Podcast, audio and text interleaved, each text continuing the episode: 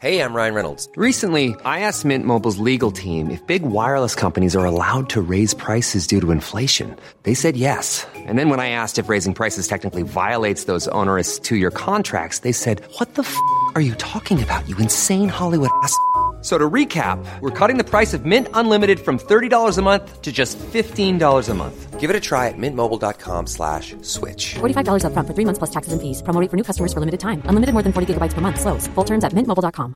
Everyone knows therapy is great for solving problems, but getting therapy has its own problems too, like finding the right therapist, fitting into their schedule, and of course, the cost. Well, BetterHelp can solve those problems. It's totally online and built around your schedule. It's surprisingly affordable too. Connect with a credentialed therapist by phone, video, or online chat, all from the comfort of your home. Visit betterhelp.com to learn more and save 10% on your first month. That's BetterHelp, H E L P.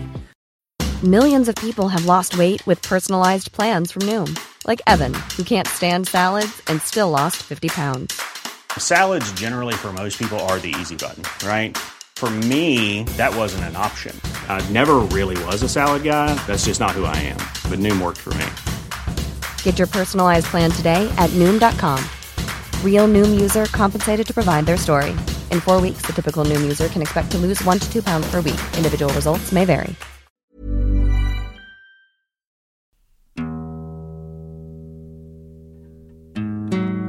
Hei og velkommen til en ekstra episode av Orderud-mysterier. Ja, i går så kom det ut en ny artikkel i Dagbladet med tittelen 'Revolveren kan være drapsvåpnene'. Veldig ja, spennende. Og hva handler det egentlig om? Ja, eh, I 2019 så fikk jo Tore Sandberg levert et våpen.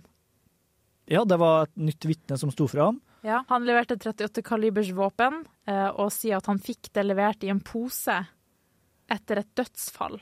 Ja, og det som er interessant, er at det var i 2019, Ja, og hvis vi går noen år tilbake, så døde jo en av de dømte i saken, Lars Grønnerød, i 2019. Det er veldig interessant. Jeg husker da denne saken kom ut først, i 2019. Nå er det kommet en ny oppdatering, men da vi først fikk vite at det ble eh, levert et våpen, så snakka vi ganske kjapt om det sånn Oi, Lars Grønnerød har nettopp dødd, kan det ha en tilknytning, liksom? Vi trodde det ganske raskt, men det er ikke Ja. bekrefta eller avkrefta, så vi vet Absolutt ikke. ikke. Men Ja. det er vår teori at det kunne ha vært pga. dødsfallet til Lars Grønnerød. I tillegg så var jo det våpenet visstnok funnet i Holmestrand, og det, har, det er en plass som Lars Grønnerød og Kristin Kirkemo sammen har besøkt. Ja. Så det er et moment som styrker vår antagelse, om at, eller teori da, om at det kunne være Lars Grønnerød sitt våpen. Ja. Og Tore Sandberg sendte jo inn dette våpenet for sjekk til Kripos i 2019, og hva skjedde da? Kripos mottok våpenet og gjennomførte en undersøkelse. En og en halv måned senere så kom konklusjonen, og de fant ut at eh, etter all sannsynlighet så var det ikke drapsvåpenet, Ja. men det kunne samtidig ikke utelukkes. Nei, så det kunne faktisk verken bekreftes eller avkreftes at det var våpnene. Tore Sandberg har nå bestemt seg for å sende inn våpenet for en ny sjekk. Ja, Han vil ha to uavhengige rapporter, både Kripos sin, de har gjennomført en, og så vil han ha en utenlandsk rapport, da. Fordi han sier at han ikke stoler på Kripos sin eh, Eller han han har ikke tillit til teknisk avdeling på Kripos. Det sier han til Dagbladet, da. Han påpeker at det alltid er en fordel å ha flere uavhengige rapporter fra forskjellige fagfolk. Ja, og det er det absolutt. Fordi at Tidligere så har vi jo sett at uh, f.eks. det med, med magasinet som ble funnet hjemme hos Lars Grønnerød i 1999, det mener jo Kripos er det ene drapsmagasinet. Ja. Men så fikk jo Tore analysert det på nytt uh, gjennom et utenlandsk laboratorium i USA, som påstår at de på ingen måte kan si at det er en kobling, Ja. og at det ikke er et godt nok bevis i en rettssak. Det skal jo sies at dette våpenet har han også tenkt til å sende til USA igjen. Ja. Ja. Så det kan jo at vi får et nytt utfall igjen, da. Ja, eller at det viser Eller at de bekrefter. Kripos sin, uh, sin analyser, da. Mm. Det som også er veldig interessant med den artikkelen, er at Tore Sandberg sier at personen som overleverte dette våpenet, kunne da fortelle at en av de fire dømte i saken har vært i boligen hvor denne revolveren har blitt oppbevart. Og ikke bare det, de har vært i boligen noen dager etter trippeldrapet i pinsa 1999. Det er veldig interessant. Mm. Eh, Men de sier også Tore Sandberg sier at denne opplysninga har de fått bekrefta senere. Så dette stemmer. Ja, og da lurer jeg på hvordan har de fått bekrefta det? Ja, det er jo interessant. Uh, og hvis det stemmer, da, så styrker det antakelsen om at det våpenet kan være relevant eller har en knytning til drapene. Absolutt. Og at den personen som er dømt, har noe med saken å gjøre. Det er jo en stor sjanse Ja. for det. Men det er ikke sikkert at vedkommende har vært i kårboligen og skutt. Han, kan, han eller hun kan ha fått mottatt våpenet etterpå og tatt det med til den adressen. da. Ja. Og det, det syns jeg er kjempeinteressant. Og det er sånn, jeg lurer sånn på hvem det er, og det, man kan jo ikke anta noen ting. på Ja, måte. men det er jo en av de fire dømte, så det er jo enten Per eller Veronica Orderud, Ja. Kristin Kirkemo eller Lars Grønnerød. Jeg vil anta at eh, ettersom Tore Sandberg jobber for Per og Veronica Orderud, at han ikke hadde gått ut med opplysningene dersom det var Per og Verunk Orderud det var snakk om. Ja, det tenker jeg også. også. Så det uttrykker på sett og vis dem, vil jeg si. Ja, jeg vil jo kanskje si det, men uh... Så det enten, jeg vil tro at det enten er Kristi Kirkemo eller Lars Grønnerød, da. Ja.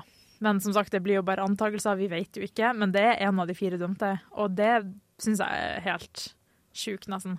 Og Ja. det er så, det er Det er jo nye få oppsiktsvekkende opplysninger i saken. Ja, det er få dager etter drapet. Det er et 38-kalibers våpen. Personen har vært i det huset. Ja, og bare for å spore tilbake, jeg vet ikke om jeg nevnte det, men en 38-kaliber ble jo da brukt i kårboligen. Mm, ja. Og de fant jo også, de vet jo også at Lars på et punkt hadde en 38-kaliber. Vi vet jo ikke om dette er Lars sin, eller om Lars sin ble brukt, men Nei. han hadde 38-kaliber. Politiet antar i hvert fall at eh, kali- eh, 38-kaliberen til Lars ble brukt. Altså Ja. lille gutt ble eh, skutt med, da. Ja, det er det de legger til rette for når de satt dommen. Mm. Og som du sa i stad, så har ikke Tore Sandberg så veldig stor tillit til Kripos, og mener at det er helt uforståelig at Gjennomtakelseskommisjonen ikke har fått testa det flere ganger, og ikke sendt det videre til en utenlandsk laboratorium. Nå har det også gått tre år siden de mottok eh, våpenet fra Tore Sandberg. Ja. Så de har ikke gjennomført noe videre analyser etterpå. Nei, og Tore Sandberg sier også at han har purra på svar flere ganger uten å ha fått svar fra Gjennomtakelseskommisjonen. Ifølge Dagbladet så har de sendt tre spørsmål til Gjennomtakelseskommisjonen som man vil ha svar på. Ja. Spørsmål én er det korrekt at dere har fått revolveren undersøkt og at det er prøveskutt med dem? Ja, Spørsmål to er det korrekt at undersøkelsen konkluderer med at det ikke kan utelukkes at det er det ene drapsvåpenet. Og spørsmål tre er det korrekt at Tore Sandberg har bedt om at revolveren også skal undersøkes ved et utenlandsk laboratorium, og at dette ikke er gjort? Siv Hallgren, leder for Kommisjonen for gjenopptakelse av straffesaker, hadde ikke mulighet til å svare på spørsmål i går, men vi får se da om kommisjonen kommer med et svar etter hvert. Ja. Tore Sandberg legger også til i artikkelen at han ba Gjennomtakelseskommisjonen om å undersøke revolveren for fingeravtrykk og DNA, og så vidt han vet, så er det heller ikke blitt gjort. Og det stusser jeg veldig på. Det er ikke det veldig også. fort gjort å gjøre nå til dags, når vi har mye bedre teknologi enn i 2020 eller 1999? Vi vet jo at Kripos har prøveskutt med våpenet, så de har hatt det i sin besetning. Så hvorfor ikke de da bare har tatt DNA-test? Det er jo sikkert ikke så lett å bare ta en q-tip som på film, liksom. Men det er ganske oppsiktsvekkende at det ikke noe av det første de gjorde da, tok fingeravtrykk og DNA før de prøveskøyt med det. Ja, Hvis jeg husker riktig, så var det jo faktisk eh, spørsmål om det i eh, 2019, da det våpenet ble levert til kommisjonen. Ja. At eh, det var liksom et merke som Ja, kunne det. være et sånn fingeravtrykk. Yes. Det har ikke jeg hørt noe mer om etterpå. Nei. Og det står jo at vi kan ikke konstatere at de ikke har gjort det, fordi Tore, så vidt Tore Sandberg vet, så har de ikke gjort det. Men det kan jo hende Ja. at de har det. Men hadde det vært et funn på en av de dømte, f.eks., eller Mm. noen andre i sakskomplekset, så hadde det sannsynligvis vært en sak for media, Ja. tenker jeg. Og som sagt kan det hende at dette våpenet ikke har blitt brukt i det hele tatt. Men det er uansett interessant når et vitne som kan bevise at en av de dømte i saken har vært i en bolig et par dager etter drapet med dette våpenet. Selvfølgelig, i utgangspunktet så er det veldig lett for en person å komme med en påstand om at noen har vært på et visst sted og har en tilknytning til et våpen. Men det som styrker troverdigheten til vitnet, det er at det kan, ifølge Tore Sandberg, bekreftes at personen har vært på den plassen på det tidspunktet. Ja, I tillegg til det så kan også Dagbladet bekrefte at vedkommende som skulle ha fått våpenet til oppbevaring, og den dømte her hadde en nær relasjon. Ja. Så det også er jo helt oppsiktsvekkende. Og i tillegg til det da, så sier Tore Sandberg at de fikk revolveren, men de måtte da garantere at vedkommendes identitet aldri skulle bli kjent. Ja, Så det er ikke noen som er ute etter 15 minutes of fame, da, for å si det sånn. Nei, det tenker jeg også. Og det virker som at vitnet oppriktig er redd for at dette skal gå ut over vedkommende. Den anonyme kilden sier jo da på telefon at han fikk overlevert en pose med revolveren etter et dødsfall. Ja, Så det kan jo hende at eh, personen med posen også var redd for den personen Mm, eh, som da døde i 2019. ikke sant?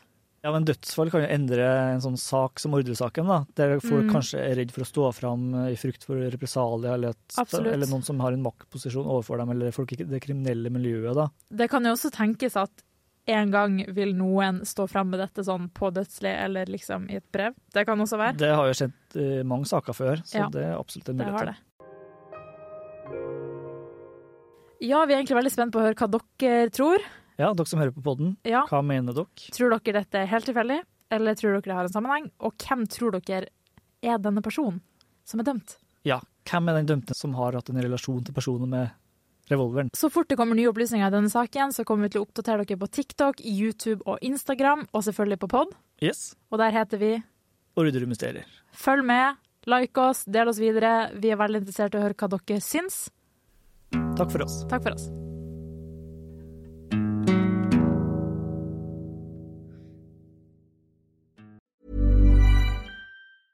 Planning for your next trip?